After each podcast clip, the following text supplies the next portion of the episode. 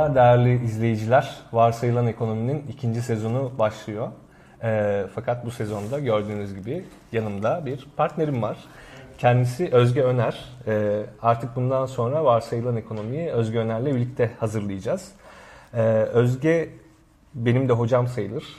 E, kendisi Cambridge Üniversitesi'nde land ekonomi yani şehir iktisadı, alan, alan ekonomisi, alan ekonomisi alanında hoca. E, beni zaten az çok tanıyorsunuz. E, şimdi bu programı neden beraber yapıyoruz? Artık neden birlikte yapacağız? Biraz da böyle formatı değiştireceğiz. Biraz onlardan bahsetmek istiyorum. Sen bahsetmek ister misin Özge? Tabii. E, şöyle ki biz Enes'le aslında bu dost sohbetlerinde sık sık konuştuğumuz kavramlar, konular, güncel olaylar vesaireyi e, sohbet ederken, konuşurken çok keyif alıyoruz, eğleniyoruz. Bazen çok karanlık konular olmasına rağmen aslında keyifli sohbetler dönebiliyor. E, bunu birazcık kullanarak, değerlendirerek başkalarıyla da paylaşabileceğimiz şekilde bir içerik yaratabileceğimizi düşündük hem böyle gündemle alakalı konular hakkında konuşalım ama gündemle alakalı zaten çok fazla içerik var. Aslında bence e, burada bizim yapmaya çalışacağımız şey olabildiği kadar keyifli bir şekilde bazı kavramlara da değinmek, iktisadi Tabii. kavramlara. Şimdi bazılarından bugün de aslında bahsedeceğiz.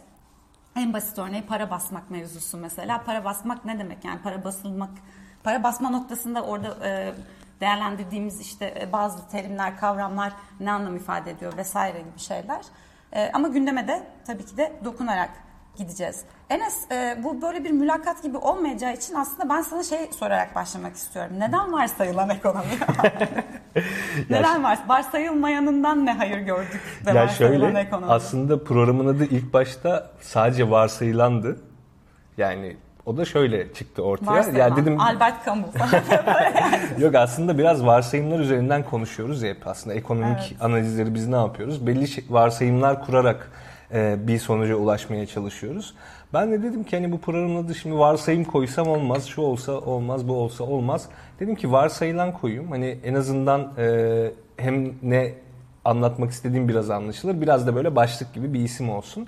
Ama sonra şunu fark ettim. Kimse bunun bir ekonomi programı olduğunu anlamıyor. Çünkü varsayılan öyle zihinde bir şey canlandıracak bir kelime değil. Onun için varsayılan ekonomi yaptım. Orada işte anlatmak istediğim şey aslında. Hani biz bir varsayımlar kuruyoruz ve bu varsayımlar üzerinden çeşitli analizler yapmaya çalışıyoruz. Ee, o nedenle işte bu programda da bazı varsayımlar veya işte kimine göre ön yargılar vesaire de olacak.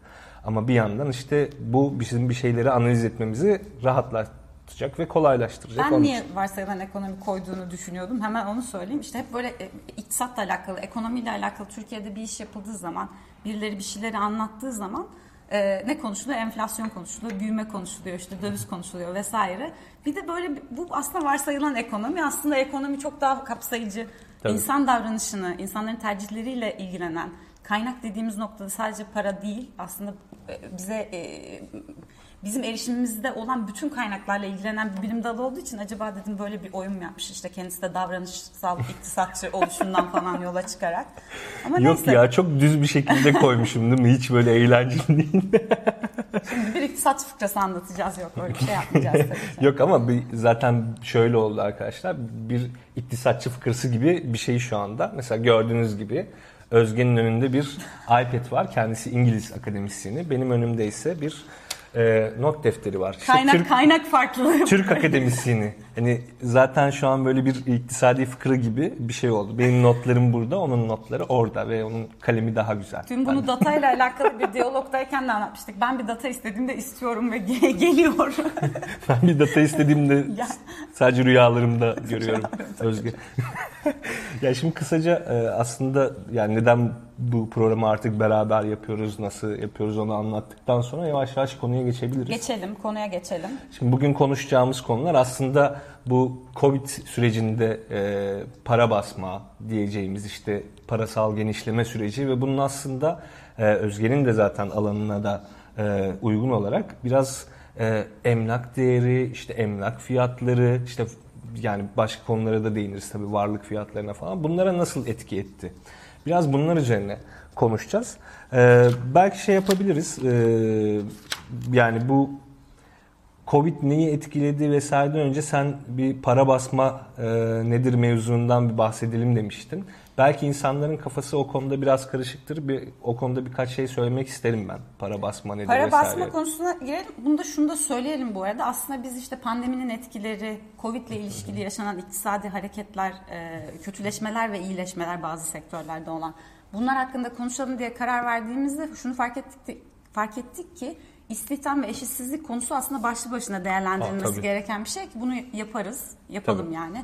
Sadece istihdam e, eşitsizlikler aynı zamanda refaha olan etkileri e, üzerine ayrıca konuşalım.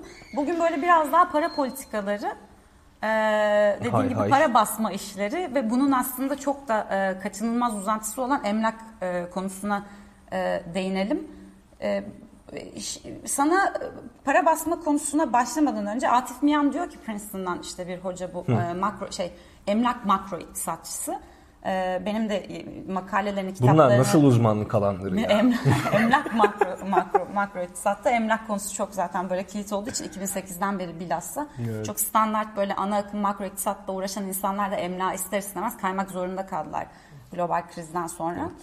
E, Atif Miyan diyor ki bu diyor süreçte e, Enes hem diyor e, banka hesaplarında anormal bir artış gözlemledik. Bir ikili ekonomi gibi adeta aynı zamanda da bedavaya yemek dağıtan bu food bank dedikleri Amerika'daki kontekste bizim burada da aşevleri vesairelerin önündeki kuyruklarda anormal bir artış gözlemledik. Bir taraftan e, birikim oranları inanılmaz artan bir kesim var. Bir taraftan da e, evine işte ekmek, e, yumurta götürecek kadar bile para kazanamayan, gerçekten çok zor duruma düşmüş bir kesim var. Böyle bir makas açıldı diyor.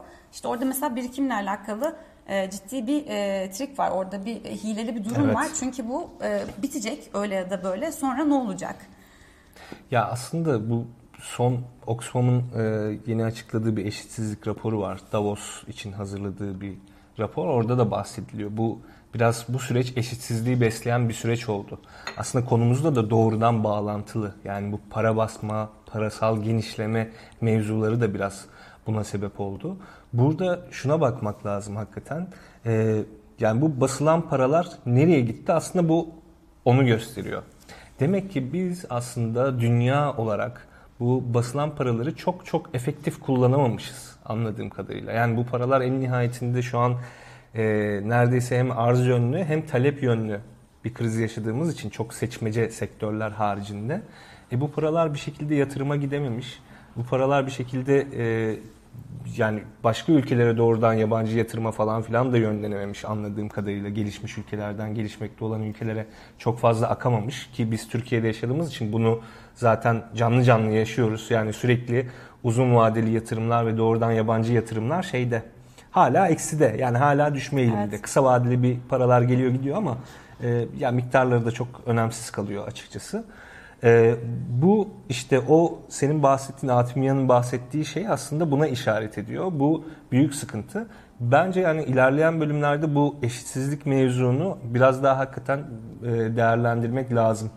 Enes, Yani orada. ya para basma mevzusuna ya da işte finansal genişlemeye daha doğrusu genişlemeye dönük politikalara girmeden önce şey üzerinden şöyle hani kavram konuşacağız dedik ya e, o, o gerçekten güzel olur. Yani para basmaktan kastettiğimiz şey ne burada?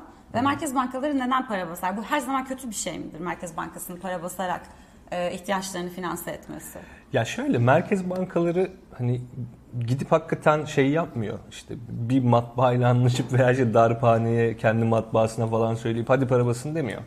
Ya onu da diyor tabii ki de bazen işte bankamatikten para çektiğinizde işte elinize böyle gıcır gıcır paralar gelir.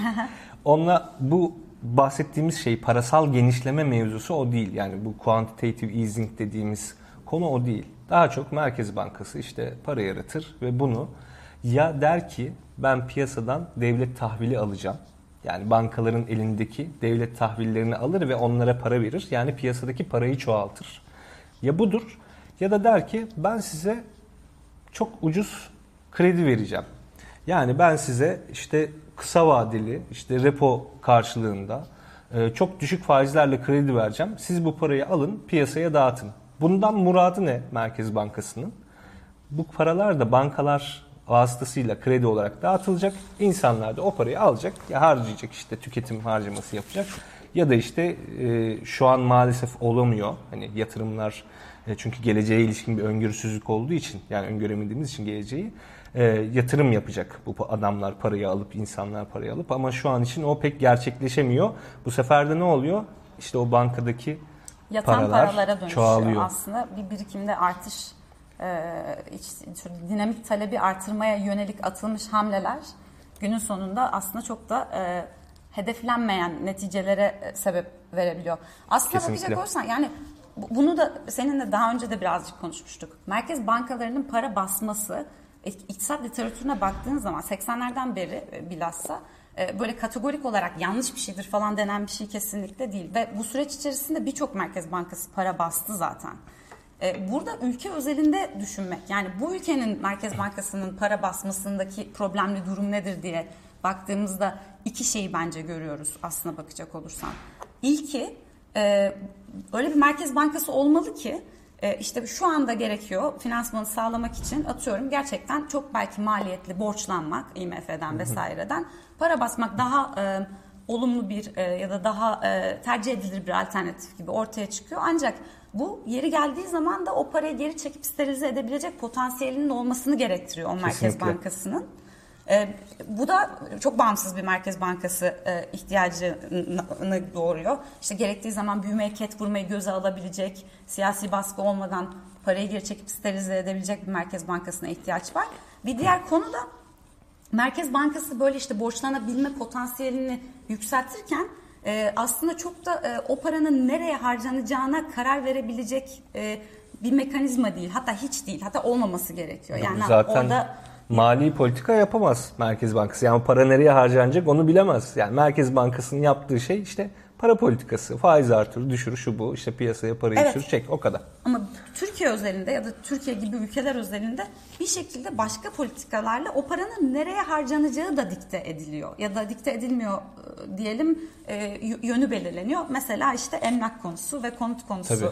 E, gibi. Orada işte hükümetin hani yani mali uygulayacağı mali politikalar devreye giriyor. Ya söylediğinde çok haklısın. Biz zaten aslında bir işe ya her iş böyledir ya. Her işe girişirken başta neyi düşünmen lazım? Çıkış planını. Evet. Yani Evet. bizdeki çıkış planı normalde ya bu konularda çıkış planı tek. Başka çözüm yok yani piyasaya siz para sürdüyseniz bunu işler toparlamaya başladığında geri çekmeniz lazım ki enflasyon oluşmasın, piyasada balon oluşmasın. Bunu yapmak için de dediğin gibi bağımsız merkez bankası ve düzgün bir iletişim lazım. Türk şimdi Fed bunu yapıyor. Avrupa Merkez Bankası bunu yapıyor. Japonya Merkez Bankası bunu yapıyor. İngiltere Merkez Bankası bunu yapıyor. Bunlar çok büyük merkez bankaları ve yani Türkiye'de işte biz neden bahsediyoruz? 2020'nin başında Merkez Bankası'nın bilançosu 19.4 milyar dolardı. 2020'nin hani sonuna gelindiğinde 89.4 milyar dolar falan TL olmuş pardon dolar değil bu rakamlar TL. Hani ya çok küçük paralar aslına bakarsanız. Fed'e baktığımızda Avrupa Merkez Bankası'na baktığımızda Çok ya bu ikisinin toplam evet. e, şeyi e, bilançosu merkez bankaların toplam bilançosu 9 trilyon dolar civarındayken 14,5 trilyon dolara falan çıktı. Yani müthiş rakamlar bunlar. 1930'lardan bir yani ya 1930 o büyük buhranı var ya. Yani en son Jerome Powell onunla karşılaştırıyordu Evet, evet, Mart ayında. evet. Yani diyordu ki bu böyle bir kriz olacak. Evet. Ve bu hani 2008'den böyle belki bazılarınız hatırlar o krize çok benzemiyor. Yani o sadece finansal piyasalarda olan bir krizdi. Bu böyle reel sektörü de zaten vurdu geçirdi. İşte hala görüyorsunuz işte kafeler mafeler şunlar bunlar kapalı. Yani bunu Fed yapıyor. işte Avrupa Merkez Bankası yapıyor. Biz niye bunu böyle ürkek yapıyoruz? Bizde niye faizleri biraz düşürdüğümüzde bu kadar yüksek İnfial bir evet. evet infial oldu. Ne oldu? Mesela Şubat Mart gibi inanılmaz arttı. Doların fiyatı, euronun fiyatı. Yani bu kurlar müthiş yükseldi. O zaman biz aslında Avrupa Merkez Bankası ne yaptıysa onu yapmıştık. Yani bir parasal genişleme, e, işte tahvil alım programı, şu bu, işte faizlerde düşüş vesaire bunları yapmıştık. İşte burada sıkıntı şu. Sizin e, atacak kurşununuz kalmamış. 2018'de Rezerv, de Orada da rezervlere e, Evet ve ister istemez. rezervlere giriyoruz ve şu da var. Yani 2018'de de zaten biz bir kur şoku yaşamıştık. Ondan sonra yani sürekli böyle düşük faizli kredi verme, piyasaya sürekli para sürme. Çünkü bizim maalesef mali politikalarımız, yapısal politikalarımız vesaire bir türlü değişmiyor. Sadece nedense Merkez Bankası'na yüklenmişiz. Diyoruz ki işte sen para bas millet alsın yatırım yapsın. Sen para bas millet alsın tüketim yapsın. E bu işler böyle gitmedi. Yani pandemiden önce biz zaten sürekli düşük faizle piyasaya para pompaladığımız için atacak kurşunumuz kalmadı. Bak 2020'de faiz artıran sanırım tek ülkeyiz ben biz ya. şu an ağzımdan ben de çok evet dramatik bir faiz düşüşü yaşadık. Evet. Ee, ama sonrasında gelen artırım da aslında bir o kadar e, sıra dışı. Diğer ülkelerin izledikleri para Çok, politikalarına çok, çok. baktığın zaman Kesinlikle. bu tip belirsizlikleri de aslında e, yine belir yani bu tip belirsizlikler ve bu tip belirsizliklerin doğru bir şekilde de iletişim kurularak anlatılmayışı. Hani senin burada iletişimden bahsederken bence söylemeye çalıştığın şey biraz bu. Evet. Paranın ne zaman ne şekilde geri çekileceği ve nasıl sterilize edileceği piyasaya çok şeffaf bir şekilde anlatılmalı. E, burada faizler artıyor mesela. İşte en o konuya da Ya biraz biz daha aslında gireriz. evet bu faiz artırımıyla hani piyasadan para çekme işlemine başladık. Başladık ama olmuyor. Neden olmuyor? Çünkü hala e, o yüksek faizlere rağmen insanlar gidip atıyorum e, Türk lirası cinsinden bir mevduat hesabında parasını değerlendirmek istemiyor. Orada da çok açık bir belirsizlik durum. Hatta belirsizlik bile demeyelim. Yani beklenen gerçek, kaçınılmaz gerçek bir şekilde siyasi baskı Evet. daha ağır e, gelecek ve bu faizler tekrar düşürülecek. O yüzden de çok da oynatmayalım. Yerimizde iyiyiz. Hadi diye biraz düşünüyor insanlar ister istemez. Dedikodu yapalım o zaman. Hadi biraz dedikodu yapalım. Ya Merkez Bankası işte son e, para politikası kurulu toplantısında şey dedi. Biz bu sıkı duruşu enflasyon düşene kadar koruyacağız dedi. Şimdi bunu tabii sen görmüşsündür, ben gördüm. İşte bankaların araştırma birimleri gördü, ekonomistler gördü vesaire. Ama yani bankalarda yabancı para cinsinden mevduat tutanlar sadece bizler değiliz. Hane halkı. Yani Türkiye'deki birçok insanın bankalarda yabancı para cinsinden mevduat var. Doları, eurosu bilmem nesi. Onlar neyi gördü? Onlar hangi açıklamayı görüyor? Onlarsa şeyi görüyor. Tayyip Erdoğan'ın ya bana inansınlar inanmasınlar, güvensinler güvenmesinler ben yüksek faizi sevmiyorum istemiyorum dediği şeyi görüyor. Bu sefer de o insanlarda şöyle bir duygu var. Yani demek ki bu adam hakikaten dediğin gibi yani bir yer bir, bir durum olacak ve bu faizleri düşürün diyecek ki iş dünyasından baş, baskılar vesaire başladı işte Rıfat Hisarcıklıoğlu'nun son açıklaması Evet, evet, vesaire. evet, evet, evet. Şimdi orada bu iletişim zaten Merkez Bankası'nın şu an elindeki tek kurşunu iletişim yani. Zaten yani doğru dürüst para yok. Doğrudan yabancı yatırım gelmiyor. Uzun vadeli yatırım gelmiyor. Ya en azından bir düzgün iletişim bu kurabilsin. arada bu faiz politikasıyla alakalı kararlı bir duruş e, göstereceklerini ifade etmeleri aslında tam da bu bizim istediğimiz gibi bir Tabii. iletişim şekline Tabii, tabii, işaret tabii. ama yani o kadar X kişisi gitmeye muktedir ki. Yani şey insanların rolleri değiş, değişebilir. Bir kere zaten bu en çok bu dönemde yaşadığımız hadise. Yani o yüzden Başkanlık- Merkez Bankası'nın ne dediği veya ne kadar kararlı veya tutarlı olacağı ile alakalı yaptığı işte demeçler, e, söylemlerin de çok da fazla bir anlamı yok. Bak en basit Etki soralım ya. bizi dinleyen e, arkadaşlarımıza da soralım. Etrafında bu mesela faiz artımı yaşandığındaki çok dramatik bir faiz artımından bahsediyoruz. Yani bir taraftan Cumhuriyet tarihinin en düşük faizlerini falan gördük ya- yazın. Şimdi bir anda işte e, aylık bir buçuklara, 1.6'lara falan çıktı. Mesela konut kredileri için konuşuyorum. Hiç etrafında senin ya işte şu elimizde olan yani elinde parası olanlar için en azından e, soruyorum. Dövizini bozdurup ben bunu Türk lirasından mevduata yatırayım diyen çıktı mı? Biliyor musun ya tanıyor musun öyle birini? Ben tanımıyorum. İşte siz tanıyan varsa arkadaşlar Yani- yorum olarak Yok. yazsın. Çünkü o kadar emin bakılıyor, o kadar emin bir gözle bakılıyor ki bunun aslında çok e, sürekliliği olmayacak bir durum olduğu. E, yine ne olursa olsun işte hot hand fallacy, e, dövizin e, karşısında Türk parasının devalüe olmaya devam edeceği, faizlerin de bu şekilde yüksek tutulamayacağı çok o kadar böyle bir içselleştirilmiş adeta bir bilgi gibi.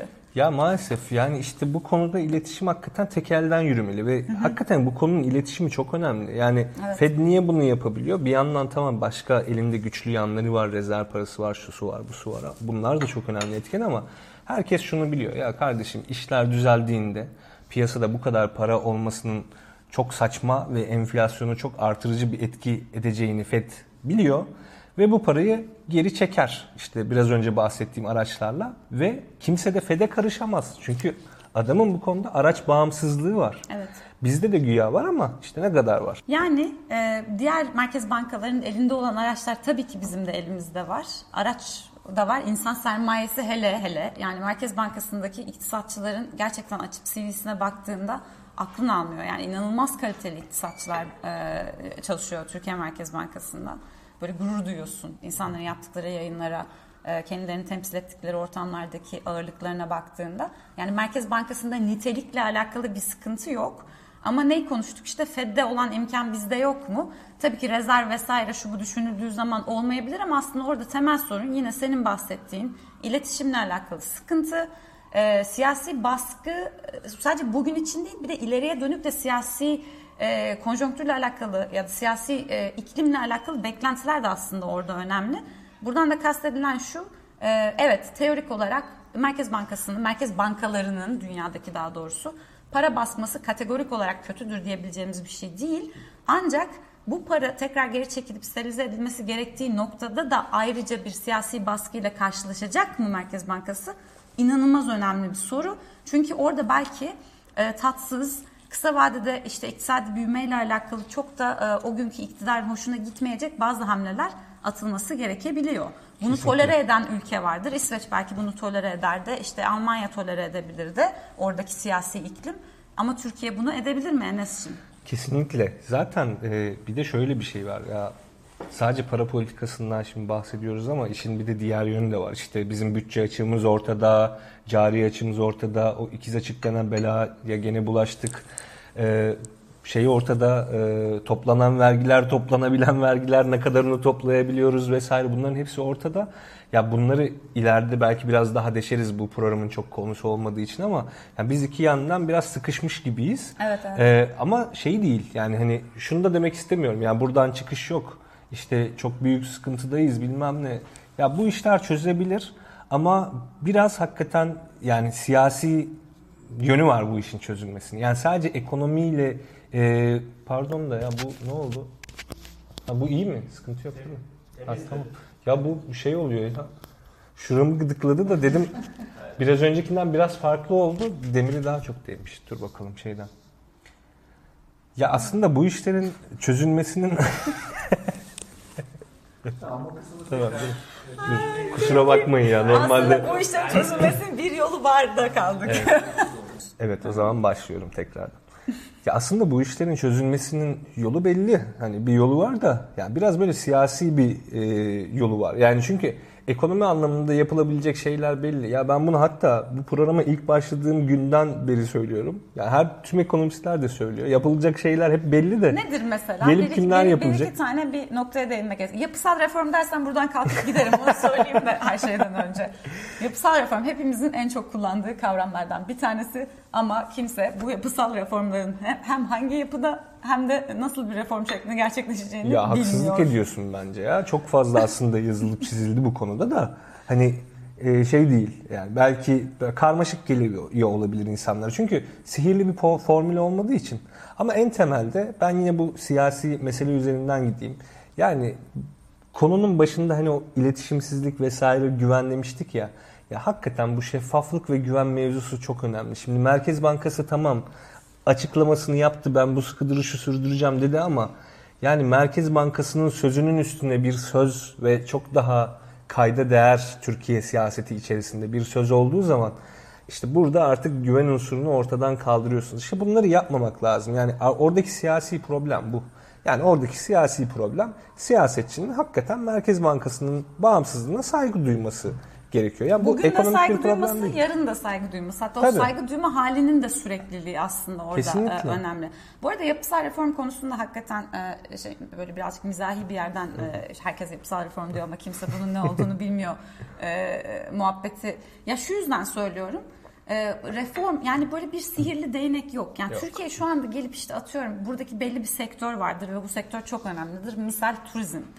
E, kalkıp orada böyle bir yapısal reform yapamazsın. Yani yaparsın ama bu da yine kısa vadeli çok miyopik e, şu anı kurtarmak için yapılacak bir hamle olur. Bizde aslında kurumlarla alakalı iyileştirmeler daha peyderpey, daha içselleştirerek yani bu tip kriz durumlarında ki bence bu e, bizim en azından hayatımızda yani bizim jenerasyonun yaşayacağı ilk böyle bu boyda bir kriz olmuş olabilir ama bence sonda olmaya da bilir.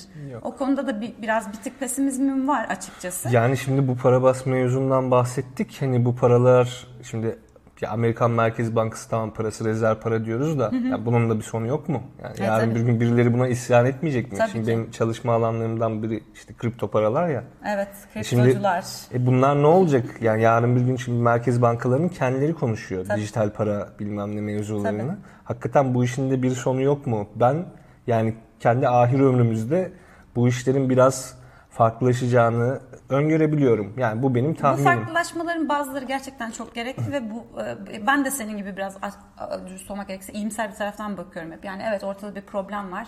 Ülke e- ekonomisi siyahları da giydik geldik. Evet cenaze gibi ya ikimiz de simsiyah giymiş. Öldürmüşüz helvasını kavurmaya geldik gibi bir durum. Ee, şey İsveçli mimar kolektifi gibi. Evet şu Hawaii Meteor Mother'daki Sven. Sven. Yani biraz aslında e, gerçekten pe- pesimist çok e, hep diskurs baktığında ama çözülmeyecek problemler değil. Ben sadece reform yani bir- anda bir şeylerin değiştirilebilirliği üzerine böyle bir e, bazen aşırı iyimser söylemlere denk geliyorum Türkiye'de orada burada. Ya orada da Onu insanların iyimserliği galiba şeyden Reform. dolayı. Biraz önce bahsettik ya. Merkez Bankası'nda çalışan ne kadar değerli insanlar var. TÜİK'te çalışan da çok değerli insanlar var. Kesinlikle, Ama kesinlikle. TÜİK'e kimse güvenemiyor verileri doğru mu Evet. değil mi diye. Ya ama oradaki uzmanların şunların bunların hatası değil. Kesinlikle. TÜİK'in rol aldığı, ya model olarak aldığı yer Hindistan işte istatistik ofisi. Onları da kuranlar işte bu işte dünyanın en iyisi olan işte İngilizler aslında. Hani çok sağlam bir modeli var. İşte iyi insanlar aslında çalışıyor. Hani sunduğu veriler şu an için belki çok e, şey gibi gözükmüyor ama İnsan çok temiz. kapasitesi temiz yani birçok e, devlet kurumu için bu geçerli Tabii, tabii. bu arada. Yani ta- e, sen tapu kadastroya kadar git. Tabii. İnanılmaz işinin eri, işten anlayan insanlar var. İnsan e, sermayesi konusunda Türkiye'nin bence aslında hiçbir sıkıntısı yok yani. Onun ne şekilde doğru Ya bürokraside hakikaten bence de pek sıkıntı yok ya. Yani belki de bu iyimserlik hani ondan da kaynaklanıyor. Biraz böyle e, şeyden dolayı. Ya insan kaynağımız var. Hani bir işler toparlasa insanları bir rahat bıraksak insanlar iyisini aslında yapacakmış yapabilecek gibi. bir potansiyelleri var gibi düşünmek Ama tabii lazım. işi Sadece orada bu reform, bitmiyor. reform lafı yani işte hep e, siyasal e, jargonda da çok böyle vardır ya işte reform yapacaksın bir şeyi bir anda değiştireceksin. Öyle çok temelde aslında değiştirilecek şeyler değil. En basiti senin söylediğin sadece iletişimi ya sadece iletişimi şeffaflaştırıp düzelterek bile ciddi anlamda bir toparlanma yaratabiliyorsun. Ekonomi böyle bir şey yani e, ekonomi affetmez falan diye bir, bir durum yok. Gerçekten çok kötü yerlerden kendini toparlayabiliyor e, her türlü piyasa. Kesinlikle. Ee, bir, bir iki tane konuyu değiştirmeden önce senden şey istiyorum. Kehanet istiyorum. Kehanetler. He. 2021 ve sonrası için. O zaman başlayayım falan. Kehanetler.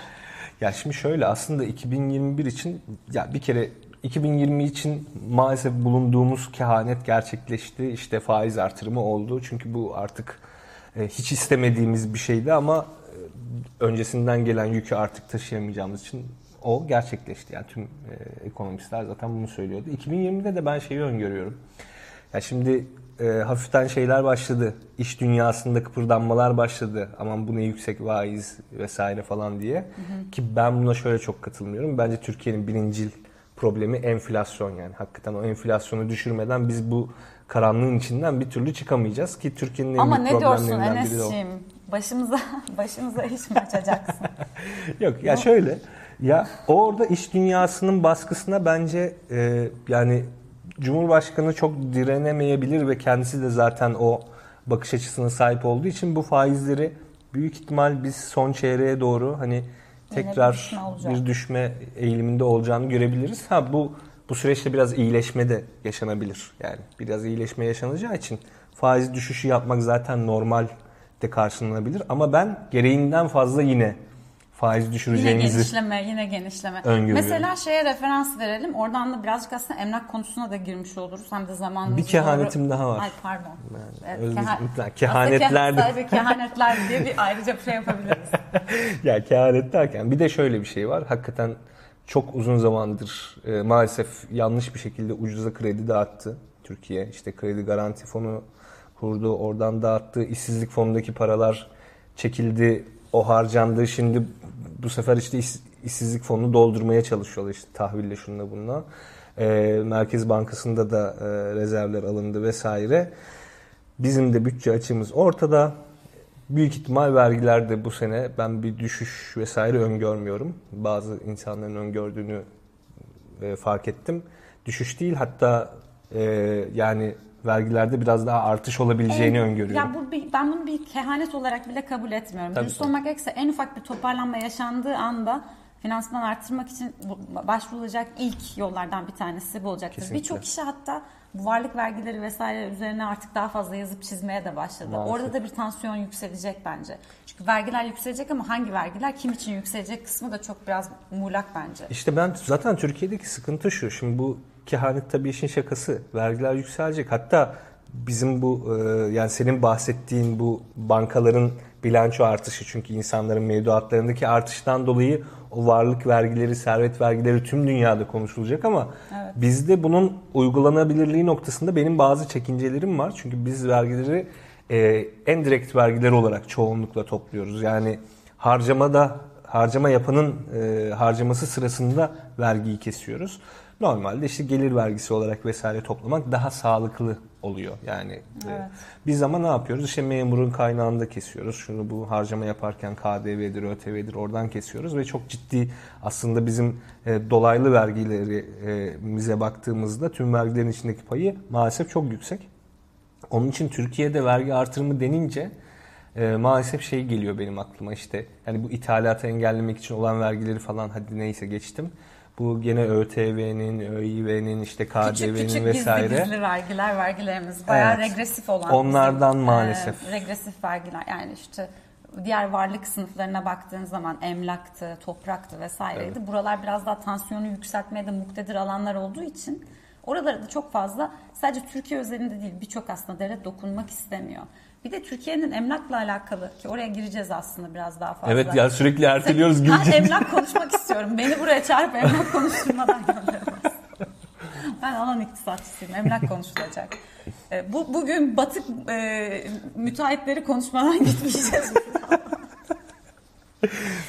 ya mesela işte atıyorum emlakla alakalı ciddi anlamda bir vergi yükü e, yaratacak gibi bir e, politika izlesen o kadar e, sıcak ki oradaki para anında kaçar. Evet, Yani işte bak Eylül ayında mesela e, ne kadar e, satış olmuş biliyor musun? Yeni e, yapılan e, yapı stoğunda işte 5269 e, şey 41 bine yakın e, yeni emlak e, satışı olmuş. Sadece Eylül'de bunun neredeyse 6 bine yakını 5 binden fazlası yabancılar.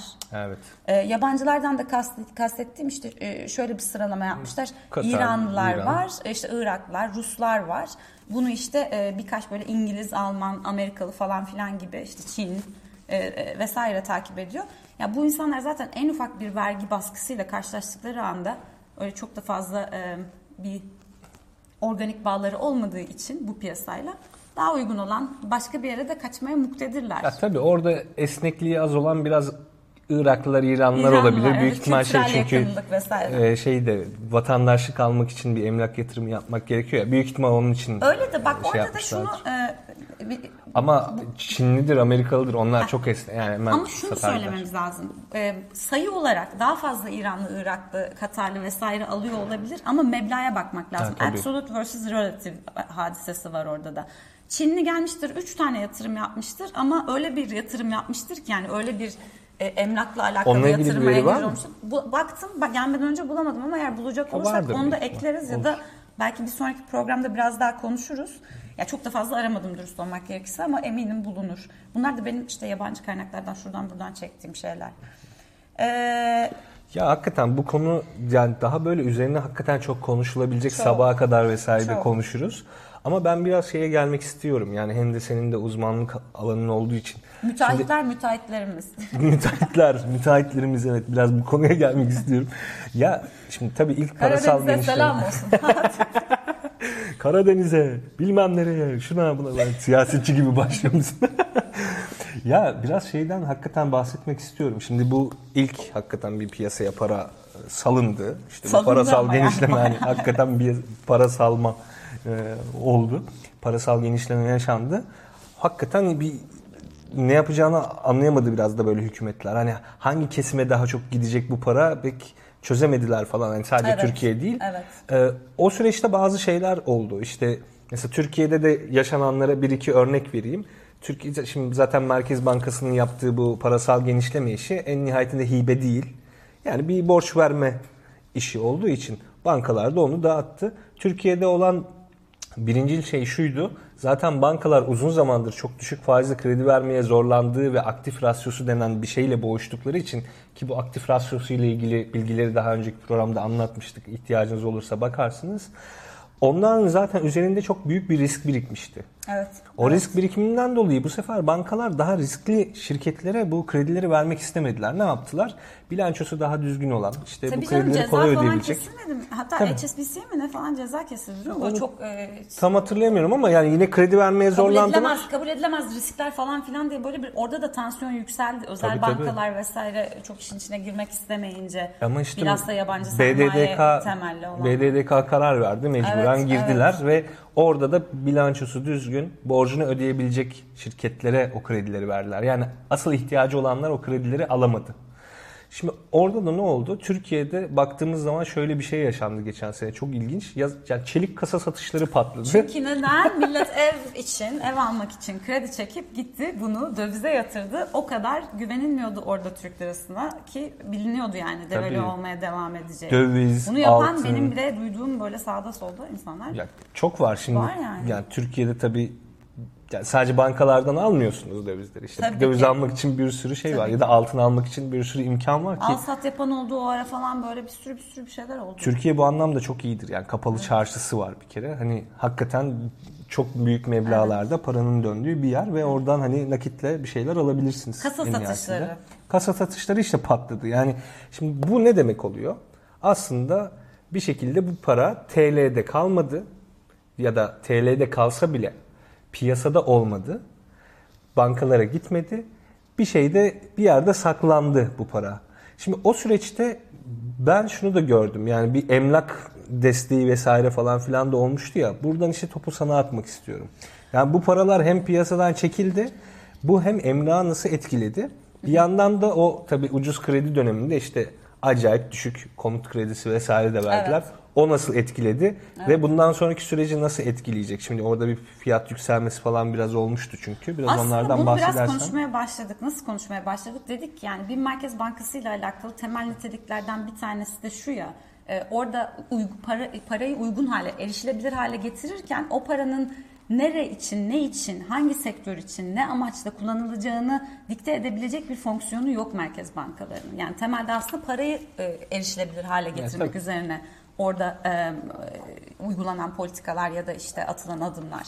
Türkiye'de çok enteresan bir şekilde yani bu, mesela İngiltere'ye baktığında seninle İngiltere İsveç örneğini falan da daha önce konuşmuştuk. Orada mesela ne gibi yardımlar yapılıyor? Bazıları hibe şeklinde bazıları da böyle sıfıra yakın e, hatta işte eksi faizler falan konuşmuştuk. Böyle e, hibeye benzer e, borçlar yaratılarak küçük Uzun vadeli. işletmeciler, servis sektöründeki insanlar vesairenin hayatını kolaylaştıracak, onların hayatta kalmasına e, müsaade edecek bazı e, politikalar izlendi. İn, enteresan bir şekilde Türkiye'de e, yangından e, ilk kurtarılacak sektör olarak İnşaat. yapı sektörünü, inşaat sektörünü görüyoruz. Yani gerçekten canla başla o yazın e, piyasadaki hareketlenmeyi hatırlıyorsun. Ya, Cumhuriyet tarihinde görülmemiş işte faiz oranlarıyla emlak kredileri birin altında işte yeni evler için Otomobil de öyle oldu. O da Otomobilde enteresan öyle yani. oldu. Anormal bir fiyat artışı oldu. Benim tapuda çalışan arkadaşlarım böyle perte çıkmış bu vaziyette günde binlerce işlem yaptıklarını İstanbul'un her yerinde ki bu aslında sadece İstanbul'a da sınırlı kalmadı. Orada böyle yapı sektörüne bir e, para pompalandı. E, bu bunun bir sürü aslında e, yol açtığı e, netice var. Şimdi onlardan birkaçına değinebiliriz. Ama ilki emlak fiyatlarında tabii çok ciddi anlamda bir artış oldu. Ve biz biliyoruz ki piyasa bu tip durumlarda böyle çok hızlı e, pozisyonu değiştiren, cevap verebilen bir yerde olmayabiliyor. Bilhassa bu tip varlık sınıflarında. Şimdi mesela bakıyorsun e, faiz artırımına gittiler ya e, bunu takip eden süreçte o çok sürdürülebilir bir durum olmadığı için. Ama emlak fiyatlarında ciddi anlamda bir düşüş, hiç düşüş yok hatta yani neredeyse. Sadece işlem hacminde düşüş var. Evet ya. Yani satılmıyor evler ama fiyatta düşmüyor. Fiyat yapışkanlığı Fiyat mı? yapışkanlığı var ve çok ciddi anlamda bu mesela çok öngörülebilir bir şey. Yani bu textbook benim birinci sınıf e, emlak iktisadı ya da işte housing ekonomisi, ev e, ekonomisi, emlak ekonomisini Evet. anlattığım konu. Yani fiyatlar böyle hemen e, bizim stok gibi sizin kripto paralar gibi vesaire gibi çat çat o düştü o indi şeklinde ilerlemiyor emlakta. Şimdi mesela sticky prices yani bayağı böyle yapışkan bir şekilde kaldı. Emlak fiyatları çok yüksek ama e, faizli artırma gittikleri anda hacimde anormal bir düşüş, bıçak gibi kesilen zaten kredi kullanım oranları vesaire. Bir diğer neticesi de bir diğer konu da şimdi tamam biz müteahhitler yani müteahhitlere bir lafımız olduğu için hepimizin hayatında var bir müteahhit falan diyerek böyle onlara da e, selam e, edelim. Ama yani orada kurtarılacak olan ilk sektör bu muydu? Yani bu önemli bu, çünkü katma değer yaratma açısından baktığında şimdi dinamik talep inanılmaz e, kontrakt etmiş, azalmış ülkede zaten. Pan- Yani sadece Türkiye'de değil her yerde. Pandemide para dolaşımı yok. Ya bu çok da böyle para dolaşımına müsaade edecek bir e, iktisadi politikada olmadı. Değil. Diğer taraftan senin dediğin gibi millet işte kasalar, kasalar aldı. Parasını kitledi koydu bir yerlere. E, benim çok anladığım bir süreç açıkçası olmadı bu. Yani niye böyle bir şeye ihtiyaç vardı? Neden? Ya- Orada belki işte bir benim e, takip etmediğim, anlamadığım bir lobi faaliyeti mi var? Konutla alakalı. E, aslında yani bir iki senelik hadisesi değil. Türkiye'nin iktisadi işte bilançolarda her şeyi parlatmak, büyüme oranlarını da yüksek gösterebilmek adına yapı sektörüne, inşaat sektörüne bu yaptığı e, verdiği önem diyelim birazcık daha işte bizim e, Kazakistan, Türkmenistan vesaire gibi örneklere kendimizi yakınsamamıza sebebiyet veren herhalde onun bir sürdürülebilirliği gibi mi düşünüldü? Çünkü bir de gerçekten e, Türkiye'de e, anormal bir arz patlaması var. Yani yapı anlamında. Yapı stoğunda anormal bir yükselme var pandemiden öncesine bakarak. Bunların eritilmesi tabii ki de iyi bir şey yani. Hani arz fazlası niye olsun o ayrı bir konu ama bu sektörden mi başlanmalıydı ekonomi kurtarılmaya? Ya şimdi sen bir ekonomik analiz yapmaya çalışırsan bunu anlamaman çok normal. Çok anlamsız çünkü. Ya çünkü burada bir siyasi tercih meselesi yine bu. Ee, aslında Türkiye'de işte siyasetin kaynağı şu bu falan hepsi çok konuşulur ya. İşte bunların hepsinin harmanlandığı bir şey bu Türkiye'de inşaat sektörü. Ee, ve şeye baktığımızda maalesef ya altyapı harcamalarına mı gidiyor bu işte inşaat sektörü içerisindeki paralar yoksa konuta, ofise işte bu gayrimenkul geliştirme işlerine mi daha çok gidiyor diye baktığımızda gayrimenkul geliştirme işleri işte maalesef ön planda ve aslında e, biraz önce bahsettiğin bu dolaşımız yani paranın işte o velocity dediğimiz dolaşımızı da çok artıran bir şey değil. Yani piyasada böyle para döndürecek bir olay da değil. Evet. O sadece işte o evi aldınız kaldı işte belki kiraya verirsiniz şu bu hani yeniden bir dönüş sağlar ama böyle çok hızlı bir e, dönüşe sebep olmuyor. Ya burada ben biraz şeye de dokunmak istiyorum aslında. Bu siyasi tercih biraz yanlış da bir siyasi tercih Türkiye'deki tüm insanlar açısından aslında. Çünkü burada bu ucuz emlak kredisi şöyle bir şey yarattı. Ee, yani hali hazırda o krediyi çekebilecek insanlar ucuzdan kredi aldı. Ama bu kredi ucuz kredinin yükünü kim çekiyor? Aslında tüm vergi verenler çekiyor. E kredi çekemeyenden kredi çekene bir böyle bir Kaynak servet transferi, evet Tabii bir gelir transferi falan. Ya yanlış yönlü, ters yönlü bir transfer oldu. Ya zaten harcanabilir gelirinin tamamını harcamak zorunda olan insanların ülkesi burası. Ya adam tasarruf, birikim yapamıyor ki işte kredi çekip ev alabilsin. Orada da başa dönüyoruz işte e, Mia, Mia'nın e, bahsettiği hadise de bu ya işte orada sen bir makas açıyorsun aslında ister Evet, istemez. Bir taraftan e, bir kesimin birikim yapabilme potansiyelini öbür kesimin evine götüreceği ekmeği götüremeyişi üzerinden aslında finanse etmiş oluyorsun günün Kesinlikle. sonunda. Böyle çok e, fakir edebiyatı vesaire üzerinden anlatmak istemiyorum ama bu makaslar çok gerçek makaslar. Yani orada e, enteresan bir şekilde emlak deyip geçiyoruz biz aslında ama konuta da önemli bir vurgu var. Yani bütün hadise aslında konutla alakalı döndü. Bak şunu mesela bahsetmek istiyorum. Ya şundan bahsetmek istiyorum. Emlak dediğimiz hadisenin içerisinde de bir sürü varlık sınıfı var. Tabii. Ofis var bunun içinde işte servis e, sektörü var, gece hayatı için kullanılan alanlar var. Parakende mesela çok önemli falan. E, dünya geneline baktığında aslında kısa vadede de orta vadede de konutta, ofiste daha böyle stabil hareket etmesi beklenen e, kalemler, varlık sınıfları. Hı hı.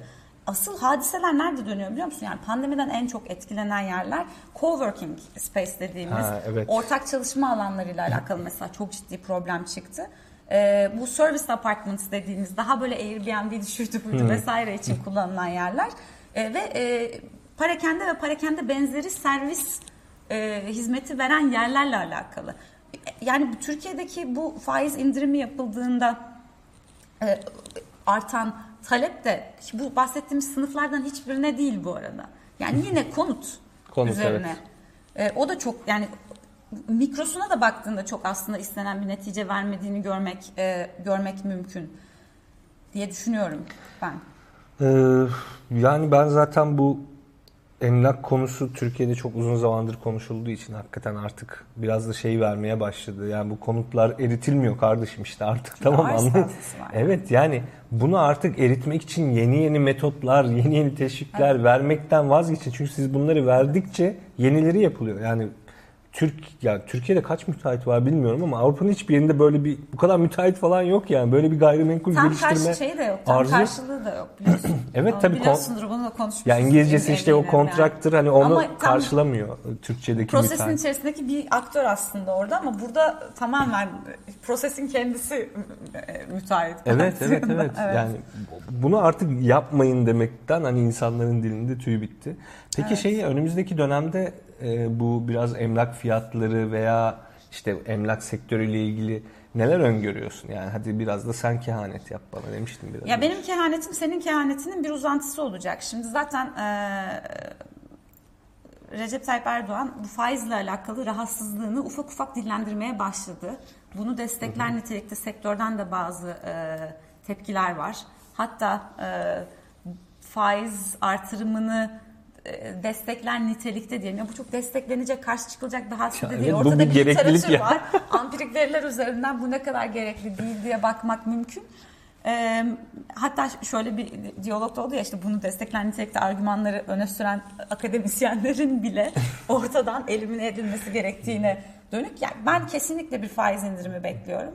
Hmm. E, bu faiz indirimiyle beraber e, kesilen volümün yani... E, alım satım hacminin tekrar artacağını gözlemleyeceğiz bence. Fiyatlarda yalnız dediğim gibi faiz düşüşüne gidildiği zaman çok böyle bir ciddi anlamda düşüş olmadı. Volümde çok ciddi anlamda bir düşüş var. En azından benim gözlemlediğim o. Hmm. Tekrar belki işte alım satım işlemlerinde bir hızlanma, Peki fiyatta artış olur, olur mu? Yeniden. E, fiyatta artış olur mu yeniden? Bu güzel bir soru. Yani o, o, o anda aslında diğer sektörlerin ne şekilde e, hareket ettiğine de bağlı değil mi biraz? Ya tabii öyle yani ama... fırsat maliyeti. Ya, fırsat maliyetinden onu neden, Şimdi onu fırsat neden maliyetine sordum? birazcık aslında giriyoruz orada. Yani Onu neden sorduğumu bir söyleyeyim ondan sonra tabii, bu tabii. fırsat maliyetini hakikaten bir anlat. Çünkü Türkiye'de çok garip bir şekilde bu işte gayrimenkul bir yatırım aracına dönüştü ya. ya orada psikolojik şöyle bir şey var ya adam işte 800'den almış. Diyor ki ya ben bir sene sonra bunu 800'den satmam artık 900'den satarım. Faiz düşüşü olduğunda hemen bir zam yapma eğilimi ortaya çıkıyor gibi e, evet. geliyor bana ama tabii bu benim bir anekdotal gözlemim ve yorumum yani bu elimde buna ilişkin bir veri yok. Hani onun için sana sordum o oldu bir fiyat artışı olur mu diye. Şey kısmında da işte fırsat maliyeti kısmında da şu yüzden e, değindim. Ben böyle birazcık tam göçmen ağzıyla ya insanlar Türkiye'de neden fırsat maliyetini anlamıyorlar dediğimde sen bana şundan bahsettin ya insanlar karınlarını doyuracak parayı zor buluyorlar Özge zaten yatırım yani daha evet. birikim yapma kültürü ve yatırım yapma kültürü çok fazla yok belli başlı esnaflar haricinde. Ya onun aslında e, sebebi şuydu e, söyleme söylem yani bunu söylerkenki sebebi normal şartlar altında faizler yani faizle yapılan anormal bir indirim var. Yani e, beklenenin çok daha altında. Hemen arkasında bir anda şut ediyor. Tekrar böyle çok ciddi anlamda yükseldiğinde emlak fiyatlarının da bunu bir tık daha iyi takip edeceğini beklersin. Yani orada aslında bir makro hadise var, bir mikro hadise var. Ben yaptığım çalışmalarda biraz mikro coğrafyayla ilgilendiğim evet. için oraya da e, dair bir şey söyleyeceğim. E, ama her şeyden önce sana sorduğum ve samimiyetle sordum aslında bir konu buydu. Yani neden Türkiye'de elinde az ya da çok bir değeri olan insanlar fırsat maliyeti konusunda bu kadar uzaklar? İşte dediğim gibi e, faiz oranları e, çok fahiş bir şekilde düştüğünde olan e, fiyat artışı bir şekilde kendini e, düzeltemiyor. Şimdi faizler yükselmesine rağmen Diyor ki adam ben beklerim satmam evimi 6 ay daha beklerim 7 ay daha beklerim o parayı alıp mevduata koymak gibi e, ya da başka bir şekilde işletmek gibi bir tasarrufu yok. Bekleyerek aslında o fiyattan satmayı e, umuyor.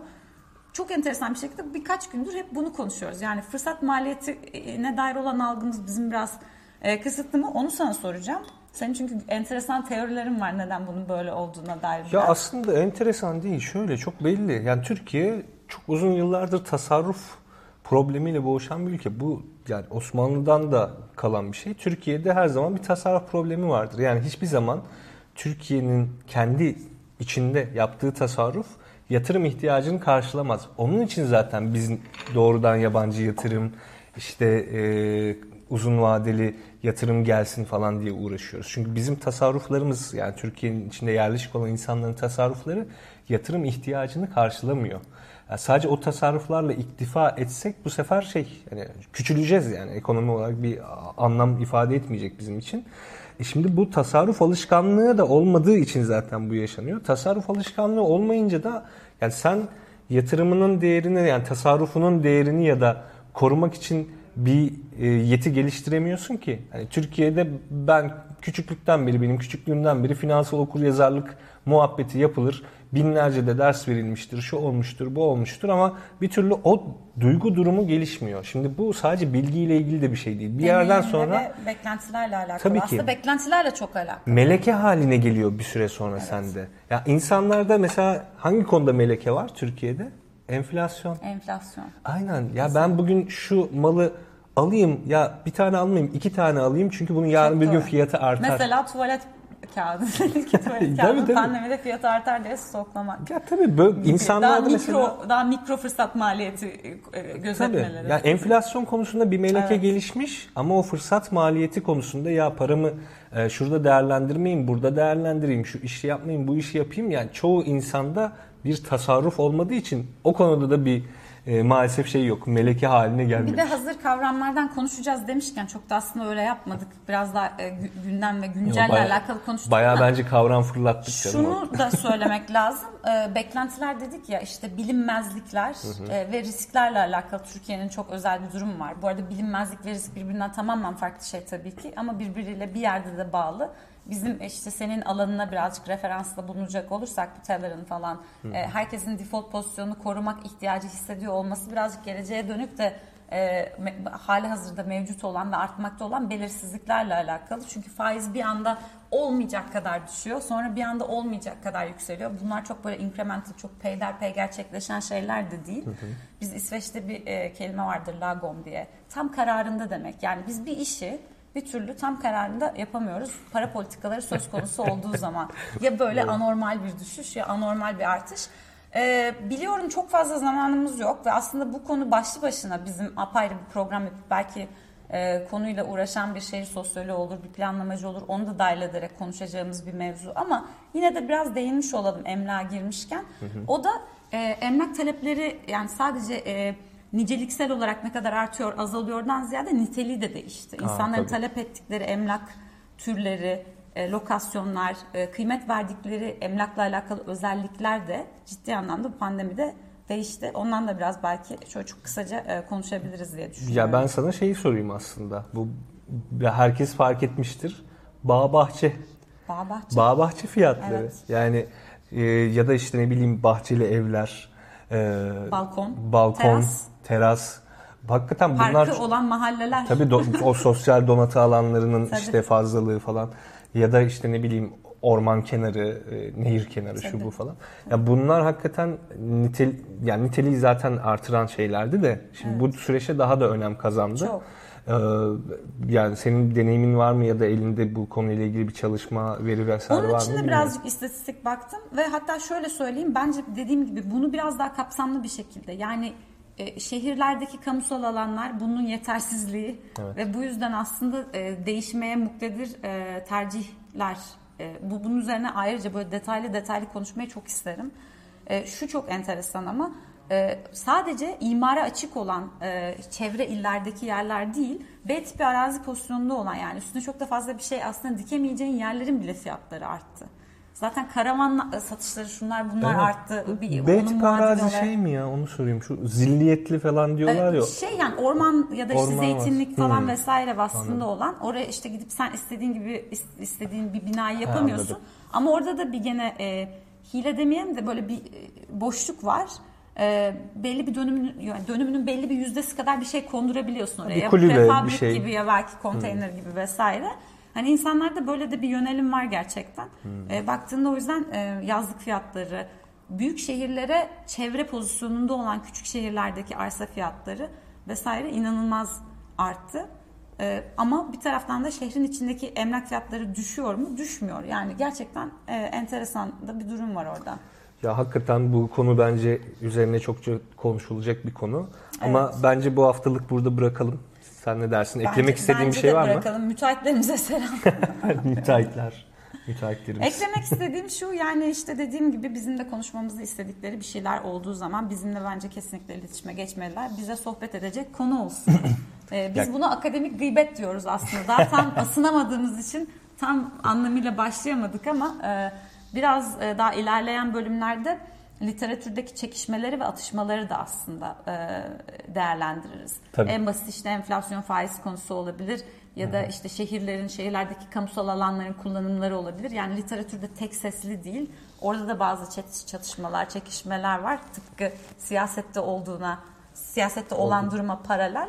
Ee, bu tip e, içerikler de hazırlayabiliriz diye düşünüyorum. Tabii. Bununla alakalı da eğer herhangi bir e, fikirleri, talepleri olursa arkadaşların bence bize Tabii, söylesinler. zaten bize Twitter'dan ulaşabilirsiniz en kolay şekilde. Ee, hem videonun Evet. altında ikimizin de Twitter adresi olacak.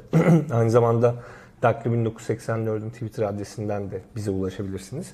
Bize konu önerebilirsiniz ya da konuk önerebilirsiniz. Tabii. Hani bilmiyorum yani bir şeyler yapabilirsiniz. Yani biraz daha böyle etkileşimli gidebiliriz o açıdan. Ee, bu haftalık bu kadar. Ee, bizi izlediğiniz için çok teşekkür ederiz. Umarım iki hafta sonra e, başka bir konuyla karşınızda oluruz ya da bu konuya biraz da, da biraz daha da devam edebiliriz bilmiyorum. Şu an e, daha tam plan yapmadık. Şimdilik görüşmek üzere. Görüşmek üzere. Hoşçakalın.